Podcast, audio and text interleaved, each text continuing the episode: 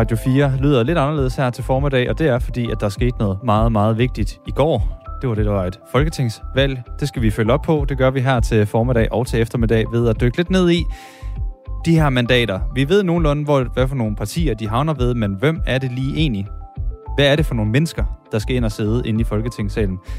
Det dykker vi ned i i løbet af de næste tre, tre timer. Kan jeg regne ud? Tre timer. Ja, tre timer. Vi sender frem til øh, klokken 13, og vi ved jo faktisk allerede, at øh, Søren Ege Rasmussen fra Enhedslisten, han ikke øh, kommer ind. Han skriver i hvert fald selv på Twitter, at han ikke bliver genvalgt til Folketinget. Og øh, han ligger ikke skjult på, at han bebrejder radikale for det her nederlag. Han skriver, jeg tilgiver aldrig de radikale for valg i utide. Vi forsøger lige nu at få fat i øh, Søren Ege Rasmussen for at øh, få knyttet en øh, kommentar dels til det her med, at han faktisk ikke kommer ind, men også til det her med, at øh, de radikale, det er dem, der har skylden. Ja, de bad om et valg. Det har de fået, men øh, er det deres skyld? Det spørger vi ham om, og jeg kan se, uh, Gustav Pors, vores producer, han skriver, at Søren ikke han er med klokken kvart i 11.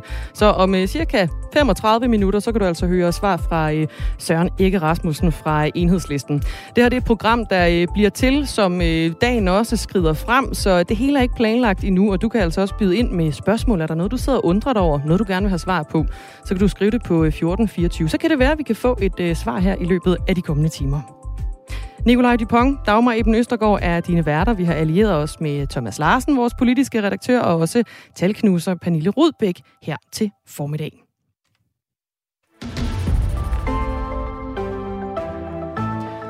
Og noget af det, der har præget valget, det er nye partier, og de har sparket døren ind til Christiansborg.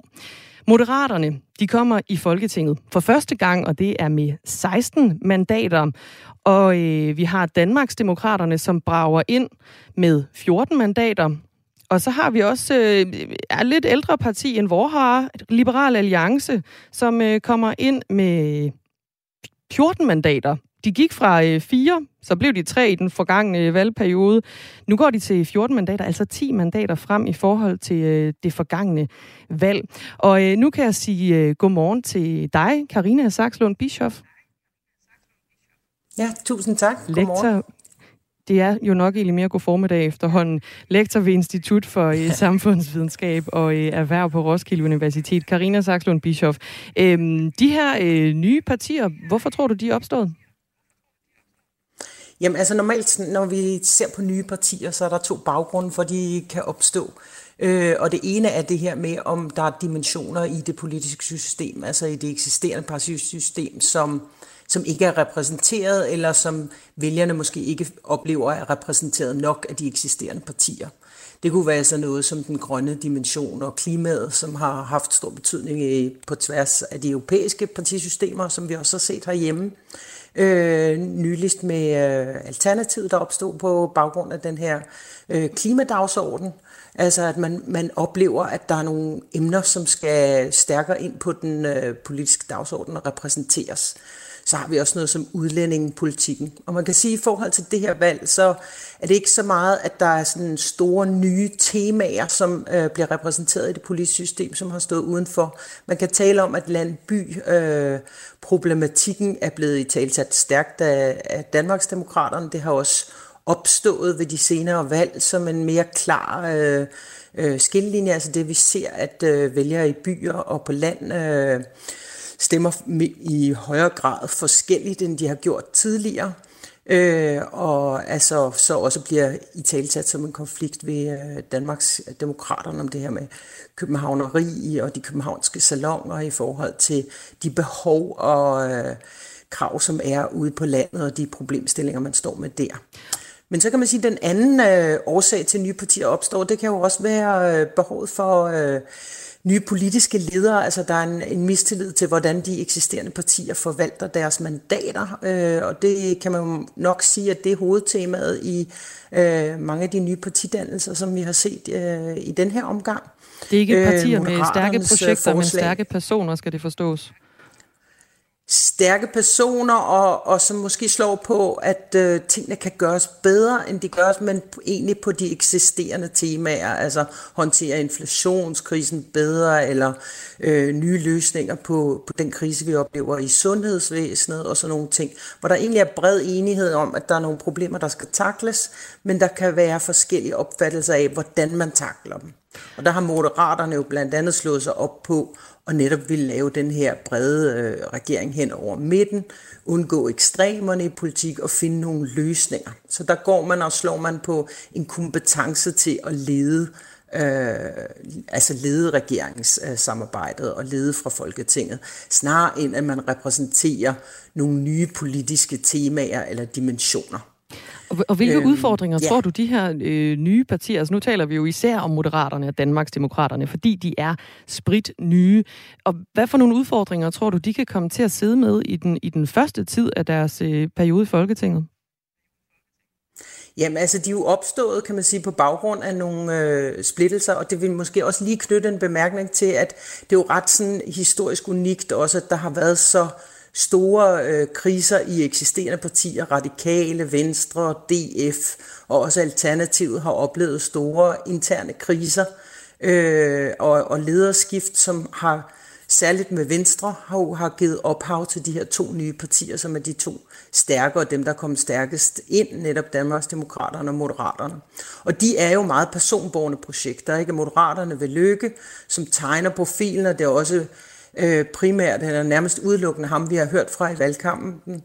Og, og det er det samme med Danmarks Demokraterne, som jo så også har navngivet sig øh, Inger Støjberg øh, efter, efter partinavnet, som tydeligt viser, at det er de her personer, der bærer de her projekter. Og den udfordring, de så står med, det er jo selvfølgelig øh, i forhold til politik og udviklingen, øh, og få et partiprogram, som også kan fastholde vælgerne på, på sigt, men også opbygge en medlemsorganisation, øh, hvor der også, kan man sige, er en, en loyalitet internt og en enighed om, hvordan man driver partiet øh, på, på sigt. Og det er jo ikke altid en nem øh, opgave, man snakker om, partier både skal ud og sælge nogle... Øh, budskaber til vælgerne og fastholde nogle vælgere, men, men de bliver også bedømt på, i hvor høj grad de kan opretholde en enhed og en enighed inde i partiet. Altså vælgerne straffer øh, generelt hårdt det her med splittelser internt i partiet. Hvis vi nu kigger, og der kan man jo kigger... sige, at Moderaterne har en... Ja. Jeg vil bare lige, øh, også her, vi skal til at runde af, Karina, men hvis vi nu kigger fire år frem, og vi har de her to partier, som er stormet lige ind i Folketinget med, med en hel masse mandater, altså Moderaterne med 16 mandater og Danmarks Demokraterne med 14, de har ikke mere end et par måneder på, øh, på banen, de her øh, et, partier. Så, så hvis vi kigger fire år frem, hvad for nogle chancer ser du så, de har for, for overlevelse, eller for at, at bevare den mængde mandater, de er kommet ind med? Ja, det kommer selvfølgelig an på, hvor meget... Øh, nu står vi jo i en situation, hvor det, det kan være, at de havner uden for indflydelse, øh, og, og dermed kommer til at spille en oppositionsrolle. Og, øh, og ja, man, altså, en af de vigtige ting for dem, det er jo at få samlet et hold, fordi som tiden går, så har vi i den her valgkamp kunne se, at man fokuserede på Lykke og Støjberg. Men fremover og mellem valgene, så vil der jo være forskellige politiske ordførerposter, der skal uddeles, og så afhænger det jo meget af, hvordan de forskellige klarer sig. Og der kan man jo sige, at Støjberg har et hold, hvor hun har overtaget en masse øh, erfarne politikere fra, fra Dansk Folkeparti, øh, som kan indgå i den her, øh, kan man sige, når der skal uddeles øh, politiske ordførerposter. Øh, men, men Moderaterne stiller jo med et, med et sprit nyt hold. Øh, så det afhænger jo også af, hvordan de formår at opbygge den organisation, der skal til at holde ro internt og få fastlagt en politik, som der er bred enighed om. Og der ved vi jo ikke ret meget om for eksempel Danmarks Demokraternes politik det endnu. Det bliver vi forhåbentlig eller hvordan de her poster skal blive hen over ja. de næste fire år. Karina Saxlund Bischoff, tak fordi du var med. Jamen selv tak. Lektor ved Institut for Samfundsvidenskab og Erhverv på Roskilde Universitet, der altså har en uh, særlig viden om også, uh, hvordan de her nye partier de kommer til at påvirke et valg. Og vi har en af de uh, sprit nye kandidater med faktisk. Det er Monika Rubin. Hun er spidskandidat for Moderaterne i Københavns omegns storkreds, og hende skal vi tale med os her senere på dagen. Det bliver cirka lidt i uh, 11, vi gør det. Vi har talt meget om det nye mod det gamle, de små, skulle til at sige de nye mod de, øh, de gamle partier. Og øh, en af de helt store slag, der har været i valgkampen, det er Inger Støjberg mod Mette Frederiksen. Så jeg synes, vi skal lige prøve at vende os over mod dig, Pernille Rudbæk, og kigge lidt på Nordjylland. De stiller mm. begge to op der mod hinanden. Øh, hvordan ser det ud med, med de to deroppe? Jamen, øh, de har vel i virkeligheden begge to haft et meget godt valg, tænker jeg, i Nordjylland. Øh, det er sådan, at Socialdemokratiet er markant det største parti. Det ville man nok også forvente, trods alt. Øh, de har fået 34 procent af stemmerne deroppe, men øh, så er det faktisk Danmarksdemokraterne, der er blevet det andet største parti i øh, Nordjyllands storkreds med 14,9 procent af stemmerne. En my foran Venstre, der får øh, 14 procent af stemmerne. Og hvis vi vender det om til mandater, så øh, har Socialdemokratiet syv mandater deroppe øh, umiddelbart, og øh, Danmarksdemokraterne har tre, og øh, Venstre har tre. Og så vil jeg bare lige øh, skynde mig at tilføje, at der netop er tækket nyhed ind på øh, Ritzau-rullen om, at der på ja. et valgsted i Sæby er blevet byttet rundt på Danmarksdemokraternes og enhedslistens stemmer, sådan så at øh, enhedslisten skulle have fået 15,3 procent, og Danmarksdemokraterne kun 1,6 procent. Oh. Det bliver lige byttet rundt igen. Så om, øh, om det kan skubbe øh, noget i forhold til øh, Danmarksdemokraterne klaret det endnu bedre, det skal jeg øh, overhovedet ikke øh, rode mig ud i og, tolke i. Vigtige ting at få rettet jo. ja, ja, det har øh, været en sjældent god dag for øh, enhedslisten i Sæby i går. Desværre så var det ikke så godt, som det så ud. Men, øh, men i hvert fald øh, må man sige, at hun er braget ind, øh, Inger Støjberg, i Nordjylland, om end at øh, Mette Frederiksen altså selvfølgelig måske har, har trukket det længste strå og er suverænt øh, meget større end øh, et. Hvis man lægger Venstre og øh, Danmarksdemokraternes mandater sammen, så har de jo så seks, sådan som det ser ud nu. Nu må vi se, om der er noget, der kommer til at rykke på sig. Øh, og, øh, og, og Socialdemokraterne, Socialdemokraterne har syv. Det er noget af det indtog, de har lavet, Danmarksdemokraterne, mm. i, uh, i lokalområdet. Jeg synes, vi skal, skal vi prøve at hoppe videre til... Uh, har vi Anders med? Vi har Anders med. Anders Sønderup. Hej, Anders Sønderup. Hej. Du er politisk journalist ved øh, Nordjyske, og har haft som fast opgave at følge de to kandidater, vi sidder her og taler om, Inger Støjberg og øh, Mette Frederiksen, under valgkampen. Lad os lige starte med, øh, nu hørte vi lidt om, hvordan øh, stemmerne fordeler sig. Du har jo fået med på, på hele rejsen. Hvordan øh, har din oplevelse været af, af de to kandidaters valgkamp deroppe? Jeg synes sådan set, man, man kan sige, at begge har ført en god øh, valgkamp. Altså det er klart, at, at Mette Frederiksen og Socialdemokratiet kan, kan, kan, altså de har en helt anden valgmaskine at sætte i, i gang. Inger Støjberg og Danmarksdemokraterne er i den sammenligning en meget lille øh, valgmaskine, de har. Så, men altså en, en god valgkamp fra begge sider, synes jeg. Kan man sige noget om, hvem der har vundet af de to?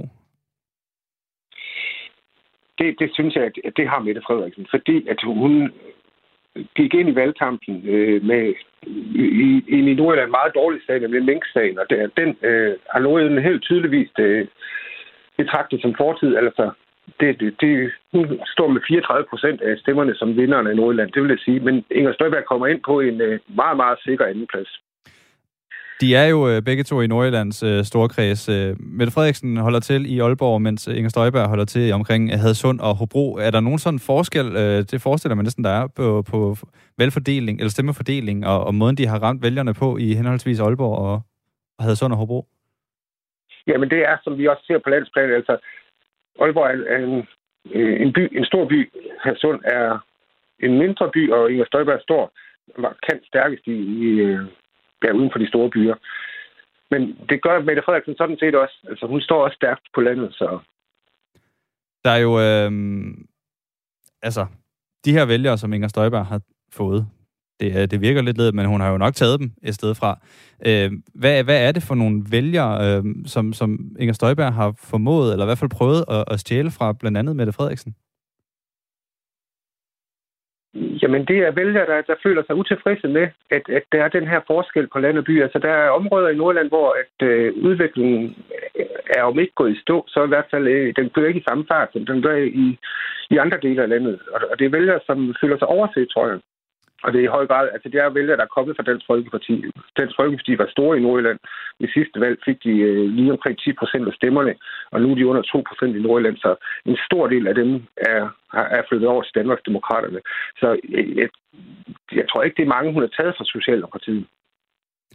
Noget af det, vi, øh, vi også hørte om tidligere, det er, at øh, Danmarksdemokraterne jo også øh, har Inger Støjbergs navn øh, klistret på det hun fylder jo meget som, som person også. Tror, hvor, hvor stor en del af det tror du skyldes, at det er Inger Støjberg i forhold til, at det er et nyt parti, der hedder Danmarksdemokraterne, som har, har vundet vælgernes gunst? Jamen altså, uden Inger Støjberg på plakater, uden Inger Støjberg på bussen, hvor hendes hund i øvrigt også er med, øh, jamen så har partiet aldrig, aldrig nogensinde stået til at komme i Folketinget. Det, altså, de kandidater, de har i Nordjylland, den eneste, man har hørt om før, i hvert fald på, i landspolitik, det er Lise Bæk, der kommer fra øh, Dansk Folkeparti. De to andre er, ja, vil jeg kalde ukendte før det her, og de har heller ikke markeret sig så meget i, i valgkampen. Det er Inger Støjberg, der er Danmarks Demokraterne. De har fyldt meget, begge to, må man sige. Øhm, og, og det er jo også meget det, der bliver talt om Mette Frederiksen mod, øh, eller jo, Mette Frederiksen mod Inger Støjberg. Du, er, du dækker jo Nordjylland øh, som politisk journalist. Altså, er der, er der overhovedet andre ting, øh, rent politisk, der har rørt sig, øh, ud over de to, som, som har været værd at, at følge op på? Ja, det vil jeg sige, at det er Venstres nedtur. Den, er, den også i Nordjylland har den været meget markant. Øh, de fik som sagt øh, fem mandater ved det seneste valg, og i Nordjylland der har de altså 9 ud af 11 borgmesterposter. De har også regionsrådsformandsposten. Så i Nordjylland har Venstre virkelig været et stort parti nu, nu går de tilbage og ender som det tredje største parti kun. Altså det, det, er, en, det er hårdt ved deres selvopfattelse. Også noget, vi, øh, vi ser i, øh, i hele landet ved, øh, ved Folketingsresultatet. Anders Sønderup, tak fordi du var med. Det var det lidt. Politisk journalist ved Nordjyske.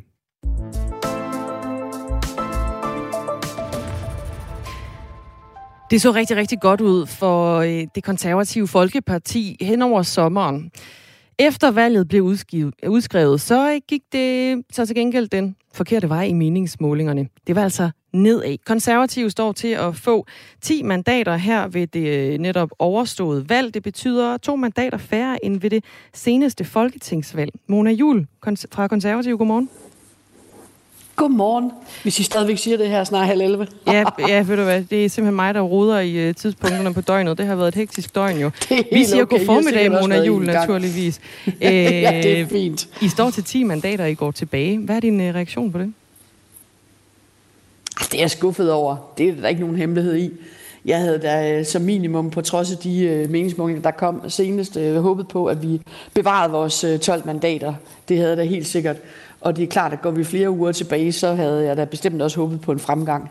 Hvor, øh, hvorfor så tror at stå du... nu med en tilbagegang, det er slet ikke tilfredsstillende. Ja, hvor, hvorfor tror du, det gik sådan? Ja, men det tænker jeg, at øh, der er mange, der skal, der skal evaluere, og det skal jeg også. Altså, jeg har, jeg har selv gjort alt, hvad jeg kunne øh, siden 2019, da, da jeg blev valgt til Folketinget. Øhm, og jeg synes også, at vi har øh, hver især her i Østland kørt en rigtig fed kampagne faktisk. Øh, der er 12 kandidater, så, øh, så der er i hvert fald rigtig meget, der også har fungeret. Så det, der ikke har fungeret, det skal vi selvfølgelig have evalueret på, det er klart. Du stiller altså op i Østjyllands øh, store kreds, og lige pt. eller sidst yeah. var der tre mandater, ikke? Og nu ser det ud til, at konservative øh, øh bare får et mandat i Østjyllands storkreds. Nej, vi havde kun et mandat. Et altså, mandat? Da jeg blev valgt i 2019, der var det det eneste mandat, der var. Okay, godt. Øh, så det var jo også allerede rigtig spændende dengang der gik det også en hel dag, inden jeg fandt ud af, hvem der af os, der var blevet valgt. Det var sådan omkring klokken syv, tror jeg. Og så ret langsomt til at til stemmer. Mm. Øhm, Men det er jo, det er jo blandt andet... Årsag, så derfor Østland noget af det sidste. Det er jo et ja. mandat, som, som, som du skal kæmpe om, og som Markus Knudt skal kæmpe om, og som Isabella Arndt, også det. dine partikolleger. Ja. Du ved ikke endnu, om du er købt eller solgt. Ja. Nej, det gør man ikke. Vi er jo 12 kandidater, der gerne vil have mandatet. Jeg, jeg er ligesom den, der skal forsvare det, og de andre de er ligesom dem, der skal tage det fra mig. Men vi ved det jo ikke. Altså, stemmerne er jo afgivet, så der er jo kun at gå og, og vente. Så jeg går tur med min hund og snakker på henvendelser mm. og tager ud til mine forældre, man har frokost lige om lidt. Ja. Den her valgkamp, øh, Mona Jul, der er det jo ikke gået så forfærdeligt øh, godt, kan man sige. Hvad, hvad, hvad er det, der er gået galt i valgkampen, set fra din stol? Jamen, det har jeg ikke, øh, altså, det har jeg ikke sådan en hel masse svar på lige nu. Altså, øh, jeg, jeg kan koncentrere mig om, hvad vi selv har gjort, og hvad der har virket der. Altså i Østland, ikke? Men, men sådan op på den store klinge, det har jeg egentlig ikke så meget at sige til. Det tænker vi venter med. Men, men kan du sige, om det var, altså der har jo været mange, øhm, kan man sige, historier om din formand, Søren Pape Poulsen jo. Øh, kan du sige noget om, om det har været øh, øh Pape eller politikken, det gik galt ved? Jamen, jeg tænker, vi skal have en evaluering bagefter, så jeg synes ikke, det er mig, der skal komme med den nu her. Altså, mens vi sidder og venter på, hvem der har valgt. Det koncentrerer jeg mig om i første omgang. Nu står I så altså til de her 10 øh, mandater, der ser til gengæld ud til at være et, øh, et rødt flertal. Så hvad for en indflydelse håber du, at I kan få ud af de mandater, I har? Ja, det er næsten værre, det sidste du siger, altså at øh, der er et rødt flertal. Det havde bestemt også øh, kæmpet for, at det ikke skulle være. Øh, nu bliver, bliver det jo spændende at se, hvad man har ment med over midten, når det kommer til stykket. Men det er klart, altså vi har arbejdet for, at det skulle være en blå regering, og det er vi ikke lykkes med. Og øh, det er også hårdt at se på, at øh, både vi og i særdeleshed øh, Venstre og Radikale går så meget tilbage også. Så det er, det er jo et helt nyt folketing, der skal sætte sig. Men jeg er sådan indstillet, at hvis, det, hvis jeg er den, der bliver valgt i Østland for konservativ, jamen så, øh, så fylder jeg det øh, mantra, vi altid har om, at vi er borgerlige stemmer, der arbejder. Altså, det handler om at søge indflydelse, det handler om at gøre det så godt som muligt på, på Danmarks vegne, uanset hvor man kommer fra. Og derfor er det også indstillingen herfra. Vil I endda måske strække jer så langt som at gå i sådan en, en bred regering, der jo har været talt så meget om, men som konservativ ikke har været så lun på indtil nu? Ej, det er svært ved at se for mig. Altså, øh, der er jo ikke noget i vejen med at arbejde på tværs, det har vi jo gjort øh, hele tiden. Det har man også gjort i tidligere regeringer. Men, men det er lidt ligesom, altså der er ligesom en, der er nødt til at sidde for bordenden, og hvis det er Mette Frederiksen, så er det lidt svært ved at se, at vi kan, at vi kan sidde i sådan en regering. Det, det kan jeg ikke rigtig forestille mig. Mona Jul, du skal i hvert fald have god dag og god gåtur med hunden, mens du venter. Ja, ja tak. Jamen tak for, at I ringede. Tak ha det godt. var med. Altså folketingskandidat for øh, konservativ i Østjyllands Storkreds, som endnu ikke helt ved, om hun er øh, købt eller solgt. Og det er der mange, der ikke ved, men øh, som sekunderne går, så bliver vi klogere på, hvem der købes og sælges. Vi finder i hvert fald ud af, hvor alle de her, hvad er det, lidt over 4 millioner stemmer, de egentlig havner i hvert fald en Ja, 400, 4 millioner 250.000 agtigt. Det er rigtig mange mennesker, der har lavet en stemme, og hvordan de, øh, de ender, det øh, har vi rigtig kloge mennesker, der tager sig af, og det er dig, blandt andet Pernille Rudbæk. Kan du give os en øh, opdatering på, hvordan det ser ud? Ja, det begynder at tække ind. Mandaterne bliver fordelt rundt omkring, både på personer og partier i de forskellige storkredsen for alvor. Uh, og det sidste, der er kommet ind, det er, at Søren Søndergaard fra Enhedslisten skriver, at han er blevet genvalgt i Københavns omegn storkreds, men han skriver også, at partiet, altså Enhedslisten, de skal til grundigt at undersøge årsager til, hvordan det kan være, at de er gået fra 13 til 9 mandater. Og øh, så er der også kommet øh, nyt fra øh, Københavns Storkreds, altså ikke omegn Storkreds, men selve Københavns øh, Storkreds, hvor Socialdemokratiet går et mandat frem. Til gengæld så øh, ser det også ud til, at de radikale, som jo har haft et øh, miserabelt valg, de øh, mister to af partiets tre mandater. Og det vil altså sige, at her har vi med profiler at gøre som Samir Nava, og så en Claus Bondam, Ruben Kide og Thomas Roen og Karolina Magdalena, der Maja, som kom fra Alternativet. Vi kan ikke vide endnu præcis, hvem der får det her ene mandat, men altså storfavoritten til at tage det må være Samira Nava, som allerede er folketingsmedlem. Til gengæld så kan det altså se svært ud fra for Claus Bondam, som øh, nok må, må sige sig være den øh, anden favorit. Øh, og Thomas Larsen, det bliver vel øh, en af de radikale temaer i dag, at der bliver nogle store profiler, som havde gjort sig nogle forhåbninger, og som må se langt efter dem nu. Jamen det gør der. Altså, det er jo en øh, folketingsgruppe, der bliver voldsomt øh, decimeret, øh, og øh, det er jo noget, der betyder, at de mister nogle trækplaster. Det betyder også, at de mister en masse altså arbejdskraft, øh, masser af muskler til at udarbejde øh, udspil og planer på Christiansborg, så det er et meget såret parti, der står tilbage. Og vi ved jo selvfølgelig ikke helt, hvordan det ender. Når man øh, kigger ind øh, på blandt andet TV2's hjemmeside, så har de en liste over, hvem de forventer, der bliver valgt. Her står Sofie Karsten Nielsen som en, de forventer bliver valgt. Det er ikke noget, der er sikkert endnu, men hvor afgørende er det for øh, partiet, at de får deres leder med ind i Folketingsgruppen? Ej, det betyder meget. Det er klart, hvis, øh, hvis Sofie Karsten Nielsen ikke kommer ind, vil det være en kæmpe ydmygelse af hende personligt, altså oven i den politiske ydmygelse af hele det radikale venstre. Det interessante er, at det er faktisk sket tidligere, og der var det øvrigt også med en politiker med radikal baggrund. Det var nemlig Anders Samuelsen, som jo ikke blev øh, genvalgt ved sidste valg, og simpelthen altså oplevede at blive øh, bortdømt fravalgt af, af, af vælgerne. Jeg må dog så sige, at når jeg kigger på Sofie Carsten Nielsens position, så tror jeg, at der er en fornuftig chance for, at hun lige præcis klarer den, og det er simpelthen, fordi hun er meget mere kendt, øh, har en meget større profil end den konkurrent, hun er op mod. Og hvis vi så bare lige ganske, ganske kort, Thomas, skal vende enhedslisten. Han er glad for at blive valgt ind, men han ser også grund til øh, noget øh, selvrensagelse, eller der skal evalueres her. Øhm, er, der sådan lidt øh, krisestemning i enhedslisten også? Ja, der er lidt øh, krisestemning, det er der ingen tvivl om. Og det, der måske kan gå hen og blive giftigt for dem, det er, at hvis det her det udarter sig sådan en større opgør om, hvorvidt de har været for pragmatiske, kompromisvillige osv., det kan godt gå hen og blive giftigt. Således begynder vi altså hele tiden, minut for minut og time for time, at blive klogere på øh, det konkrete udfald af det her valg. Nu skal vi gøre plads til en øh, omgang nyheder, nyheder, fordi nu er klokken blevet halv 11.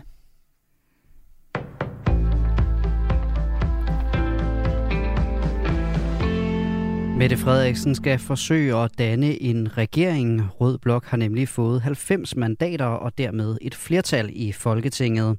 Og Rød Blok og Moderaterne de peger på Mette Frederiksen som kongelig undersøger. Og det bliver altså ikke nødvendigvis nemt, og vi kan komme til at vente noget tid på, at en regering så bliver dannet. Det sagde Mette Frederiksen ved nattens partilederrunde. Jeg fornemmer, at forhandlingerne nok ikke er overstået, hverken på en dag eller på en uge. Jeg vil ikke foreslå, at der sådan går belgiske eller andre landes historiske traditioner i regeringsdansen i Danmark. Men jeg tror ikke, det er overstået lige øh, på en stund. Jeg vil bare anmelde allerede nu, at ligegyldigt hvad jeg bliver spurgt om, om krav fra nogle partier og nogle andre partier, og røde linjer og ultimative krav, og hvad kan ikke lade sig gøre, og hvad kan lade sig gøre, og hvad vil Socialdemokratiet aldrig nogensinde gå med på, og hvad kan vi leve med? Jeg kommer til at give samme svar, som jeg gør nu. Det tager vi ved forhandlingsbordet. Mette Frederiksen skal mødes med dronningen kl. 11 for at orientere hende om valgresultatet og den parlamentariske situation. Konservative blev spået et særdeles fremragende valg, da Søren Pape i august måned meldte sig på banen som den tredje statsministerkandidat. Dengang lød vælgeropbakningen på knap 16 procent, men så ramte den ene møghistorie efter den anden partiformanden. Gårdsdagens valgresultat endte også bare med en opbakning på 5,5 procent og 10 mandater, endda mindre end partiets resultat, i 2019. Her fik de 12 mandater og 6,6 procent. Per Larsen er folketingsmedlem for De Konservative, og han ærger sig over resultatet. Og specielt når man har haft øh, nogle meget fine meningsmålinger, øh, som, øh, som så, ja, så bliver man jo en lille smule skuffet. Men vi har jo set det komme her hen igennem valgkampen, og vi er jo sådan set øh, faldet det meste af 10 procent øh, i, i løbet af den her valgkamp, og vi plejer jo ellers at, at, at vinde nogle mandater i løbet af valgkampen. Så det er jo, øh, ja, det er virkelig øh, en ærgerlig situation. Det er særligt i den østlige del af Danmark, at vælgerne har valgt at bakke op om Lars Løkke Rasmussens nye midterparti Moderaterne. Størst er opbakningen i Nordsjællands storkreds, dernæst Sjællands og så Københavns omegns storkreds. I alle de tre storkredse har mere end hver tiende vælger sat kryds ved partiet. I Gentofte-kredsen har Moderaterne fået opbakning fra hele 14,3 procent af vælgerne, og i Lyngby får partiet 13,5 procent. På landsplan har Lykkes parti fået 9,3 procent af stemmerne, og det svarer til 16 mandater. Moderaternes formand Lars Løkke Rasmussen lignede hele valgaften den fødte kongemager, som han drømte om at blive. Lige indtil det politiske flertal så tippede, og nu kan Rød Blok altså mønstre 90 mandater, når man tæller to grønlandske og et færøsk mandat med. Politisk kommentator hos Avisen Danmark og øh, hos Avisen Danmark Kasper Dahl kalder det for en tur i rutsjebanen for Lars Løkke Rasmussen. Han har jo stadigvæk øh, alle tænkelige muligheder for at prøve at se, om det her midterprojekt det kan lade sig gøre. Mette Frederiksen har jo øh, blot fået muligheden for, at hun kan søge mod Rød Blok, hvis det skulle vise sig, at at ideen om øh, den magiske midte ikke viser sig at kunne holde. Og det er jo ikke fordi, det bliver, me, øh, bliver mindre besværligt, hvis hun søger mod Rød Blok og, og begynder at danne en, øh, en bredere regering på, øh, på de røde mandater. Så Lykke har jo stadigvæk alle muligheder for at øh, bringe moderaterne i spil sagde Kasper Dahl. Hvilke kandidater, der så kommer ind i Folketinget, det finder vi ud af i løbet af eftermiddagen og aftenen, når valgkredsernes fintællinger begynder at give resultater. Og så skal vi til en vejrudsigt. Dagen byder nemlig på byer, der stedvis kan være kraftige og ledsaget af torden, men også perioder med lidt eller nogen sol og temperaturer mellem 10 og 13 grader.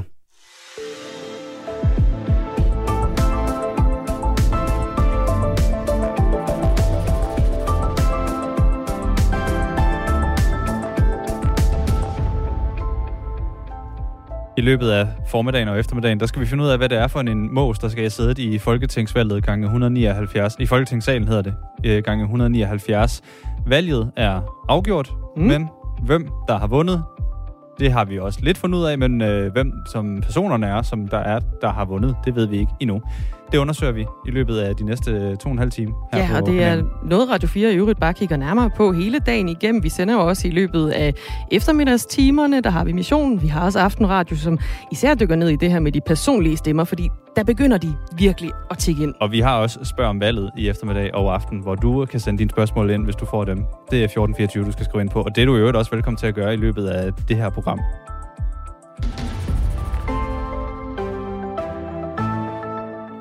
Hvor vi skal en øh, tur omkring Sjællands Storkreds. Der er nemlig et spændende opgør her. Det er øh, René Christensen og øh, Pia Kærsgaard, som begge stiller op til øh, valg i den her storkreds, men øh, det ser ud som om, det kun er øh, den ene, der kan komme ind. Altså to store DF-profiler, som lige nu ser ud til at, øh, ja, må, den ene får et fuldtidsjob, den anden gør ikke. Lad os sige det på den I måde. hvert fald i politik. Ja, i hvert fald i, øh, i politik. Pernille Rudbæk, øh, har du et, øh, en overflyvning over, hvordan øh, valgresultaterne de ser ud i Sjællands Storkreds? Det har jeg selvfølgelig. Øh, jamen, i Sjælland, der er der et øh, rødt øh, flertal, eller det der er i hvert fald 48,2 procent, der har stemt øh, rødt. Der er 40,6 procent, der har stemt blåt, og så er der 10,8 procent øh, på den lille midte med, med moderaterne. Hvis man omsætter det til mandater, ja, så er der altså 13 røde, 11 blå og 3 lilla. Øhm, og hvis man kigger på partiernes sådan rangering dernede af, ja, så er det altså et suverænt øh, Socialdemokratiet, der er størst med, hvad der ligner syv mandater nu. Så har Venstre og Moderaterne og SF fået tre mandater. Danmarksdemokraterne, hvor vi jo blandt andet har ex-DF'eren Peter Skårup. Øh, han øh, får øh, to mandater, eller de får to mandater. Øh, og øh, hvis jeg så bare lige, øh, uden at skulle nævne dem alle sammen, mm. lige skal dvæle ved øh, Dansk Folkeparti, ja, så hedder det altså i procent 4,3 procent. Ved sidste valg hed det 10,9 procent øh, i den her øh, store kreds. Altså noget af en tilbagegang, og altså også fra 3 til 1 mandat, og som I jo allerede har nævnt, noget af et øh, opgør mellem øh, partistifteren Pia Kærsgaard og så næstformand øh, René Christensen. Det bliver interessant at følge. Ja, og det er også noget, som øh, David Arnholm han følger. Velkommen til. Tak. Nyhedsredaktør ved øh, Folketidene ved Lolland Falster. Øh, Det her opgør, vi, vi ser lige nu, eller den her spænding i hvert fald, der er mellem René Christensen og, og Pia Kærsgaard i Sjællands Storkreds. Hvad, hvad, hvad peger den mod, at det kan munde ud i? ja, hvis bare man vidste. Altså, det er virkelig et godt spørgsmål, fordi der er jo ingen tvivl om, at Pia Kærsgaard, hun er jo den mest kendte af de to, øh, og den, der har været med længst tid og har været med til at stifte partiet. Øh, og omvendt så står René Christensen bumstærkt på Lolland Falster. Øh, men altså, det er jo hele storkredsen og de personlige stemmer, der tæller, så altså, ja, det ville være mærkeligt, hvis ikke Pia Kjærsgaard var, var favoritten i det spil. Men, øh, men omvendt så, altså som sagt, René Christensen står virkelig stærkt på, på Lolland Falster. Jeg kan se, at i Guldborgsund Kommune, der fik Dansk Folkeparti 8,8 procent af stemmerne. Altså det er jo markant mere end på landsplan. Og det vil jeg gætte på var en, en René Christensen-effekt. Men om det er nok til, at han kan komme op og slå Pia Kjærsgaard, det, det må vi jo se senere i dag. Ja, fordi kan vi sige noget om, hvor stor Pia Kærsgaard-effekten er, der hvor hun stiller op? ja, jeg ved det ikke, men den er formentlig også pænt stor. Altså, men øh, nej, det, det, er, det er ikke til at spå om. Det er det godt nok ikke. Hvordan de to øh, personligheder her fra, fra Dansk Folkeparti, hvordan har de øh, ført, ført kampagne i området? Øh, jamen, René Christensen, han er jo bare enormt kendt i, i området, altså, og det, det er næsten lige meget, hvilken politisk observans du har. Altså, hvis, hvis du møder folk, der, der har en eller anden sag, hvor de er kommet i klemme, så er det meget ofte René Christensen, de henvender sig til, fordi så må han da kunne hjælpe dem. Øh, og øh, omvendt så har Pia Kærsgaard, hun har, hun har været rundt i, i hele Storkredsen i sin valgkamp. Hun har også været øh, i Nakskov og i Nykøbing og andre steder på Lolland Falster flere gange. Øh, og hun er jo bare også et, et kendt og stort navn, så øh, ja, det, det, det, er, det er et ret intenst opgør, men, men de siger jo begge to sådan, jamen men det vigtigste, det er jo bare, at partiet kommer ind, og nu må vi se, og ja, det må vi. Det må vi nemlig. Vi venter stadigvæk på, at de personlige stemmer, de bliver, øh, de bliver talt op. Men udover de her to øh, prominente personer, så er der også andre øh, ret så kendte mennesker, der stiller op i, øh, i, i, i storkredsen, altså i, i Sjællands storkreds. Det er øh, Magnus Heunicke, det er Astrid Krav, det er Jeppe Kofod, Kåre Dybad Bæk, socialdemokratiske ministre. Hvordan ser det ud for dem? Jamen, der er syv mandater, og øh, man må jo næsten tro, at de der, det, det, det, de, går, de går et mandat tilbage. De havde otte mandater ved det seneste valg. Nu får de syv her i Storkredsen. Man må næsten tro, at de fire ministre, øh, det skulle være mærkeligt, om ikke de bliver genvalgt.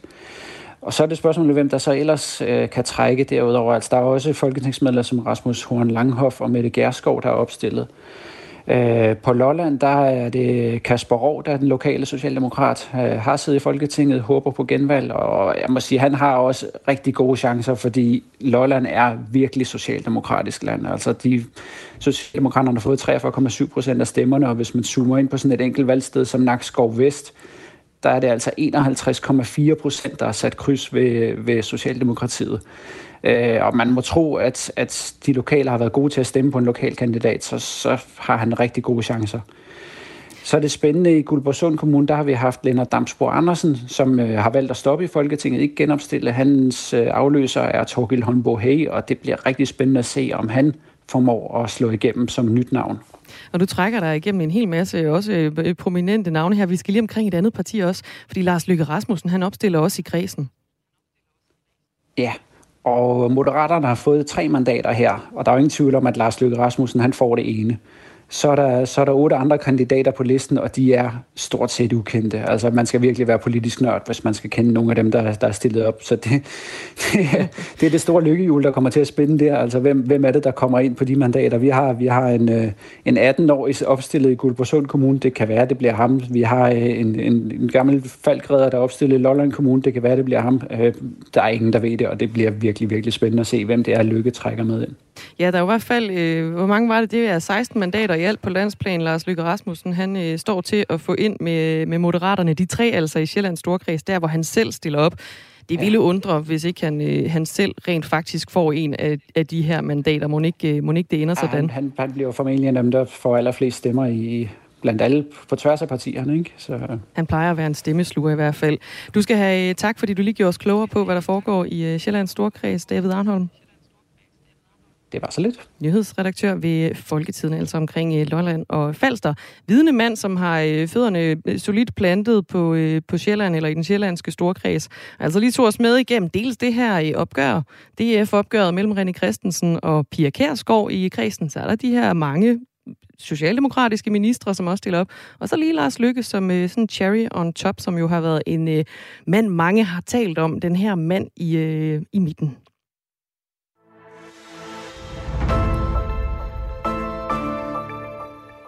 Der har jo været, når der er så et valg, så er man sådan lidt i sin følelsesvold. Der sker en hel masse. Åh, valget er afgjort, øh, og så får man stukket en mikrofon op i ansigtet og bliver spurgt, hvordan har du det lige nu? Mm. Det, øh, det har alle partilederne oplevet, og jeg synes, vi skal, skal vi prøve at høre fra nogle af dem, altså hvordan de reagerede, da de så... Skal vi lige prøve, vi kan prøve at tage, skal vi starte med, mm, med enhedslisten? Skal vi ikke tage dem? Jo, lad os starte med enhedslisten. Enhedslisten, de er jo gået tilbage i forhold til, øh, til 2019. Ja, jeg råder lige lidt rundt i mit øh, Skal jeg lige finde den frem her? Vil du lige de har fået 5,2 øh, procent af stemmerne, kan jeg se, øh, mod 6,9 ved sidste valg i 2019. Det betyder, at de øh, går fra, øh, fra 13 mandater til 9. Ja, det er fire mindre, end de havde. Jeps. Det kan man jo tænke, det er lidt ærgerligt, men altså, Maja Villersen, hun er politisk ordfører, hun var egentlig okay med det. Tak til jer, som år efter år efter år har kæmpet enhedslistens sag. Og tusind tak til alle jer unge, som er med for første gang bag enhedslisten i den her valgkamp.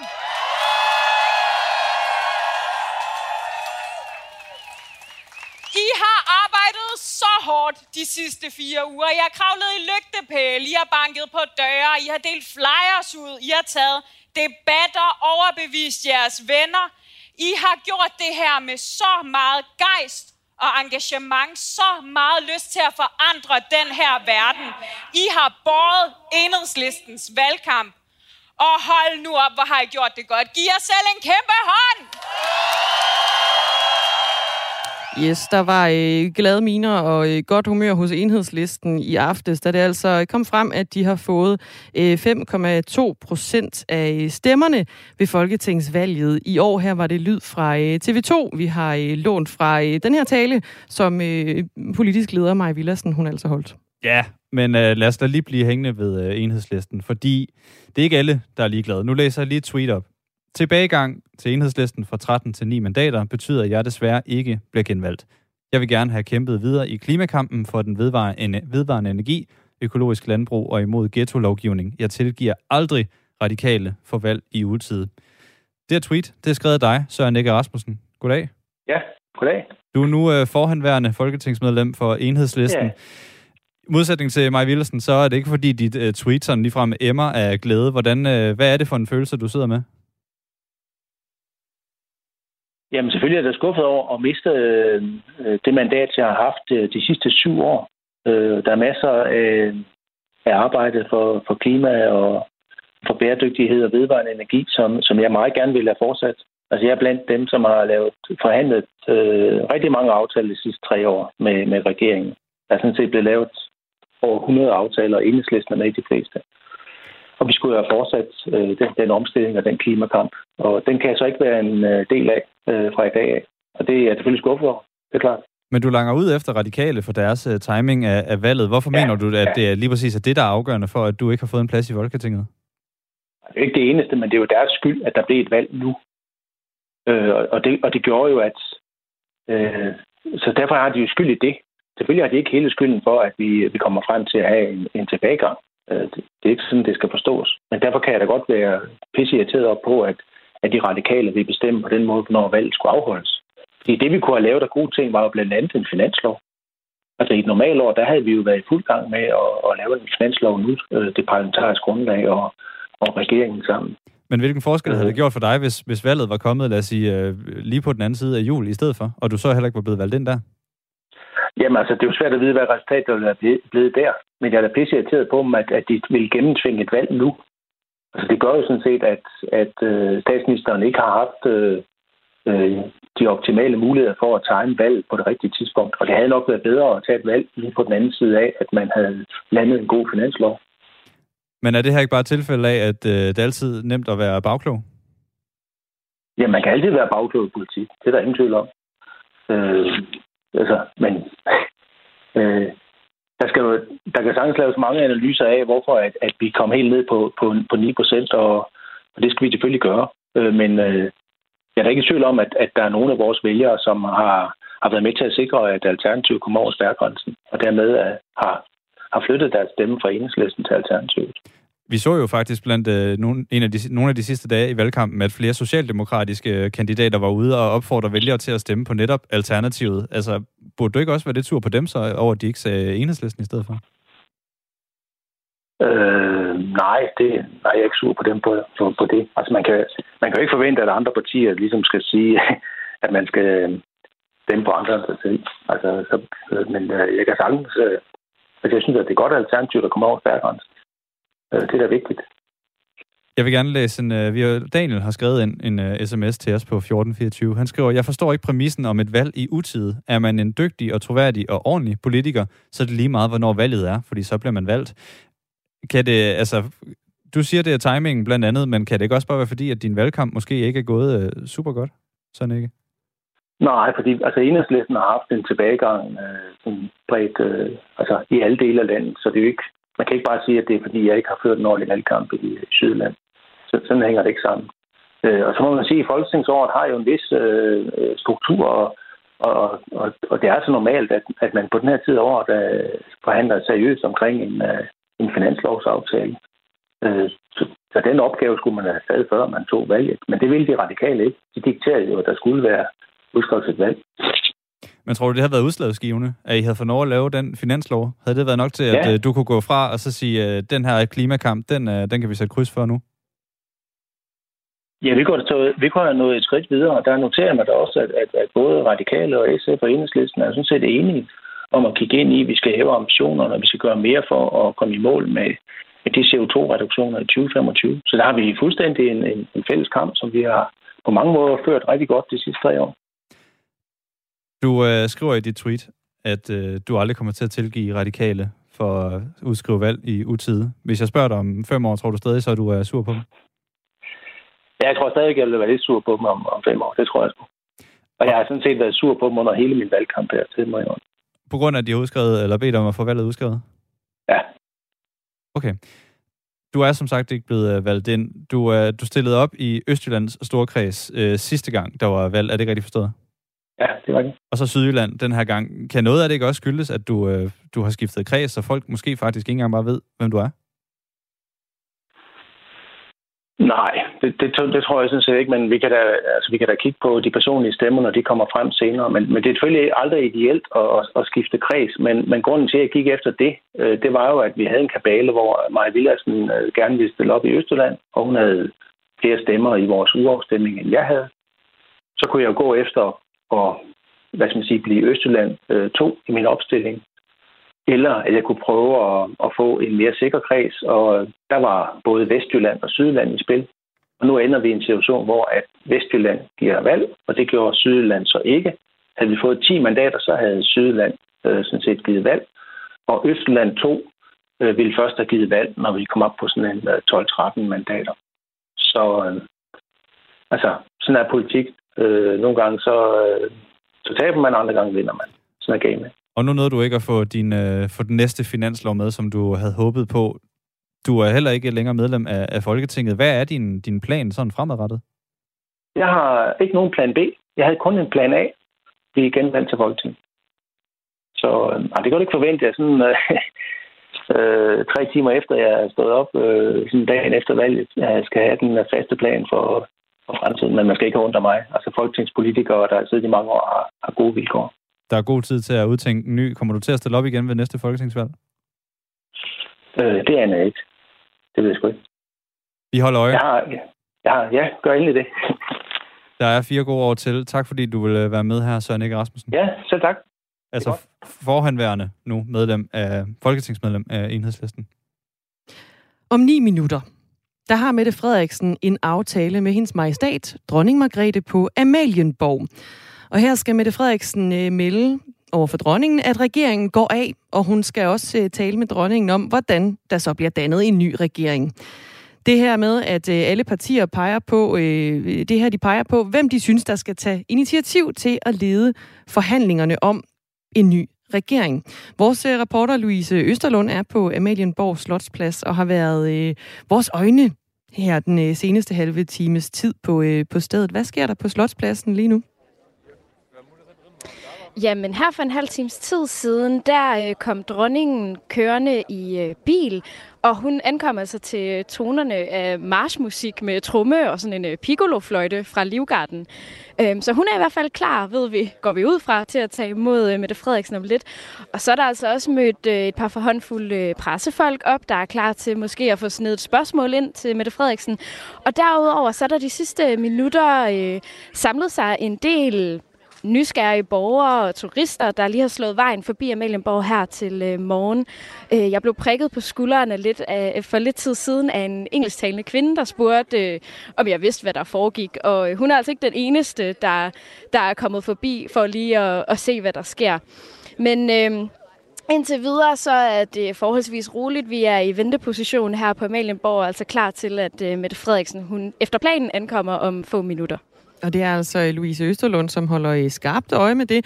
Vi vender øh, tilbage til dig her senere på, på formiddagen for lige at få en status, altså ovenpå, at Mette Frederiksen hun skal på besøg hos dronningen. Hvor meget sover man egentlig oven på sin øh, første valgnat? Hvad har øh, det hårdeste været ved den første valgkamp? Og hvad er særligt kommet bag på en kandidat, som øh, for allerførste gang er stillet op for at udfylde en af de 179 pladser inde i Folketingssalen. Monika Rubin er med os nu. Velkommen. Mange tak. Spidskandidat for Moderaterne i Københavns omegns storkreds, og øh, altså opstillet til Folketinget for første gang. Hvor meget har du sovet i nat? Et par timer, lad os sige det sådan. Jeg har også to små børn, som også øh, ville tidligt op. Så jeg har fået, tror jeg, tre timer cirka. Der er flere omstændigheder, der arbejder imod en øh, hel nattesøvn. Hvordan, øh, hvordan har det været her i en, en lang valgkamp, fire uger? Det har været enormt spændende, men det har også været intenst. Og især når man også er ny i det. Der har været en øh, stejl læringskurve. Og hvad har været øh, den vigtigste læring for dig? Det er at tale politik. Jeg synes, det har været rigtig øh, spændende at få lov til at tale så meget sundhedspolitik, og det også har fået lov til at fylde så meget i valgkampen. Vi var jo det første parti, der præsenterede den her akutte redningsplan for sundhedsvæsenet, og efterfølgende kom både Socialdemokratiet og Venstre med det også. Så det, er, det synes jeg er rigtig positivt, at der er en anerkendelse af, at vi skal gøre noget i sundhedsvæsenet, og det tegner også på, at vi kan blive enige om at lave en plan, lige så snart der er dannet en regering. Og det beror sig vel også på, at, at du egentlig er læge Ja, ja. præcis. Det er så derfor, jeg er gået ind i politik. Du har en særlig interesse for, øh, for sundhedsvæsenet. Er det, er det der, du vil lægge dine kræfter? Ja, det er det. Mm. Det er også derfor, jeg er gået ind i politik, for jeg kan se, hvordan vores sundhedsvæsen det ikke fungerer optimalt nu. Nu, øh, ved du, om du er købt eller solgt det nu, øh, Monika Rubin, i øh, København Sommer, en stor kreds? Ikke 100% nej. Nu er jeg jo spidskandidat i Københavns Omegn, og umiddelbart så øh, ligner det jo, at vi har fået to mandater. Så jeg tænker, der er en god chance, men jeg er ikke helt sikker, og jeg er ikke typen, der sælger skinnet, før bjørnen er skudt, så jeg er spændt for i dag. er, du, er du overrasket over, at øh, dit første valg er gået, som det er gået? Moderaterne er jo braget ind. Jeg vil sige, at jeg er overrasket over, at det er gået så godt for os. Det har jo været øh, et helt nyt parti. Vi blev stiftet for fem måneder siden, og jeg er virkelig stolt af at være en del af det moderate hold. Jeg synes, det er gået over ja, al forventning i forhold til, hvad jeg havde regnet med i hvert fald. Hvad havde du egentlig regnet med? Det ved jeg ikke. Jeg tror, jeg havde regnet med måske en 6-7 mandater eller noget i den stil. Øh, og så havde vi håbet på at få de afgørende mandater, kan man sige. Ikke? Nu her i de kommende øh, regeringsforhandlinger, som jo er, øh, kan man sige, den næste store ting, vi kigger ind i. Nu har vi et resultat. Vi har en rød blok med 90 øh, mandater. Vi har en blå blok med 73 mandater. Og så har vi lige Moderaterne, hvor du altså er opstillet for i midten med 16 mandater. Hvad bliver Moderaternes rolle i regeringsforhandlingerne? Jamen, vi har jo sådan set også en øh, midterblok, hvis man kigger på det i forhold til både Socialdemokratiet og Venstre og Moderaterne og de radikale. Der har vi jo faktisk et stykke over de 90 mandater. Så jeg synes, det bliver rigtig interessant at se, hvordan er det, med mandaterne kommer til at fordele sig. Hvordan er det, regeringskonstellationen bliver. Det glæder jeg mig til at følge. Ja, hvordan ser du, den bliver? Det ved jeg ikke endnu. Jeg er meget spændt. nu nævner du i hvert fald selv, altså Socialdemokratiet, Venstre, Moderaterne. Det bliver øh, til 89 mandater til sammen, og så har vi Radikale med øh, syv mandater. De er kommet ind med, med syv mandater, så det bliver 96 mandater. Ja, så er der også nogle oversøiske, som måske også kan overtales til noget midterprojekt. Det ved man jo ikke. Man ved det aldrig, men hvad håber du på? Jeg håber på, at vi får en øh, bred regering hen over midten, helt klart. Det er jo også derfor, at øh, vi i Moderaterne har talt om det under hele valgkampen, og også var derfor, at vi overhovedet stiftede partiet. Det er, fordi vi gerne vil det her brede samarbejde hen over midten. Så jeg håber, at det det, det ender med også i sidste ende. Hvor, hvor bred skal den være? Altså kan man godt, nøjes kan man kalde det, med, med at øh, man har Socialdemokratiet og Moderaterne som grundsten, og så derudover røde partier, eller skal der øh, flere blå partier med ind? Jamen, det handler jo sådan set om, hvad det er for en politik, den her regering den kommer til at føre. Så hvem der ender med at sidde i regeringen, det er knap så vigtigt, som hvilken politik regeringen kommer til at føre. Hvad er det for nogle krav, I kommer til at tage med til Mette Frederiksen, når hun gerne vil Gener- generelt har vi jo ikke ultimative krav. Altså jeg ved, at Lars har talt om det her med en advokatvurdering, men ellers så er vi jo, vil vi jo enormt gerne samarbejdet hen over midten, så det der med ultimative krav, det tror jeg, vi prøver at holde os nogenlunde væk fra. Skal det forstås som, at lige så snart Mette Frederiksen ringer, så siger jeg ja tak? Nej, det skal ikke forstås sådan. Hvad er det? Øh, der må være nogle ting, så nu nævner du selv, at det er især sundhedsvæsenet, du, øh, du selv øh, advokerer for, men der må vel være nogle, nogle ting, som I er uenige med Mette Frederiksen i, som I på en eller anden måde vil smide først på bordet og så sige, det er her, vi starter, hvis Jamen, vi skal lave et samarbejde sammen. Der har Lars jo været ude at sige det her med advokatvurderingen af min kommissionens øh, undersøgelse. Men som du også selv siger, jeg har jo også nogle personlige øh, mål, og det er det her med, at man tager krisen i sundhedsvæsenet alvorligt og gør noget ved det, både på kort sigt, men også på lang sigt. Det nytter ikke noget, vi kun taler i akutte redningsplaner. Vi bliver også nødt til at tale om, hvordan laver vi en sundhedsreform, der løfter det danske sundhedsvæsen fremad. Advokatvurderingen her, er det, er det et ultimativt krav? Det er sådan, jeg har hørt det i hvert fald. Mm. Må jeg øh, stille et spørgsmål? Jeg sidder bare øh, og bliver så nysgerrig øh, på, øh, at øh, du skal jo i Folketinget formentlig. Nu ved jeg godt, du ikke tør at sælge skinnet og så videre, men jeg har fået to mandater der, hvor du er spidskandidat. Så lad os antage, antage at du skal det. Og sammen med en, en kæmpe gruppe af andre helt uprøvede folketingskandidater. Nu har jeg selvfølgelig en meget gavet formand til at, at lede jer derind. Men altså, hvad tænker du om øh, at skulle troppe op måske om et par ugers tid i Folketinget i den her store gruppe, hvor ingen af jer har den store politiske erfaring? Øh, har du en vis nervøsitet for, om øh, I er klar? Jeg er spændt på, hvordan det kommer til at gå, men jeg tror også godt, vi kan løfte opgaven. Det vil være en læringskurve, en stejl læringskurve for mange af os, men mange af os har jo en erfaring ud fra virkeligheden, og har jo også, for eksempel har jeg jo selv taget en uddannelse på universitetet. Jeg tænker også, at jeg burde kunne lære at sidde inde i Folketinget. Det er jo, vi skal jo have repræsentativt demokrati, så det må kunne lade sig gøre, at man kommer udefra. Har Lars været i gang med at lære jer lidt op? Vi har mødtes flere gange, både under valgkampen, men også før. Og så har vi jo hele det politiske mødested, som er fundamentet for vores politik. Og ved du noget om, hvornår du skal starte, hvis det er? Jeg tænker, jeg skal starte lige så snart, at, øh, at jeg har fået mit mandat. Mm. Vi har fået en sms fra Laura. Hun skriver lige en kommentar. Erfarne folk er jo slet ikke nødvendigvis godt. Det kan også betyde folk med fastgroede og ukonstruktive vaner i tænkemåde. Det kan jo være et øh, frisk pust med nogen, øh, i hvert fald ifølge Laura, inde i, øh, i Folketingssalen. Monika Rubin, du skal have tak, fordi du var med. Mange tak. Spidskandidat for Moderaterne i Københavns omegns storkreds. Og altså, måske, må, måske, måske ikke øh, i Folketinget lige om øh, ikke så forfærdeligt længe. Vi skal lige have alle de her personlige stemmer gjort op i os. Og det er noget, vi følger i løbet af hele dagen og aften faktisk her på Radio 4. Og vi kommer også til at gøre det på den anden side af de nyheder, som du kan få nu, fordi klokken er blevet 11.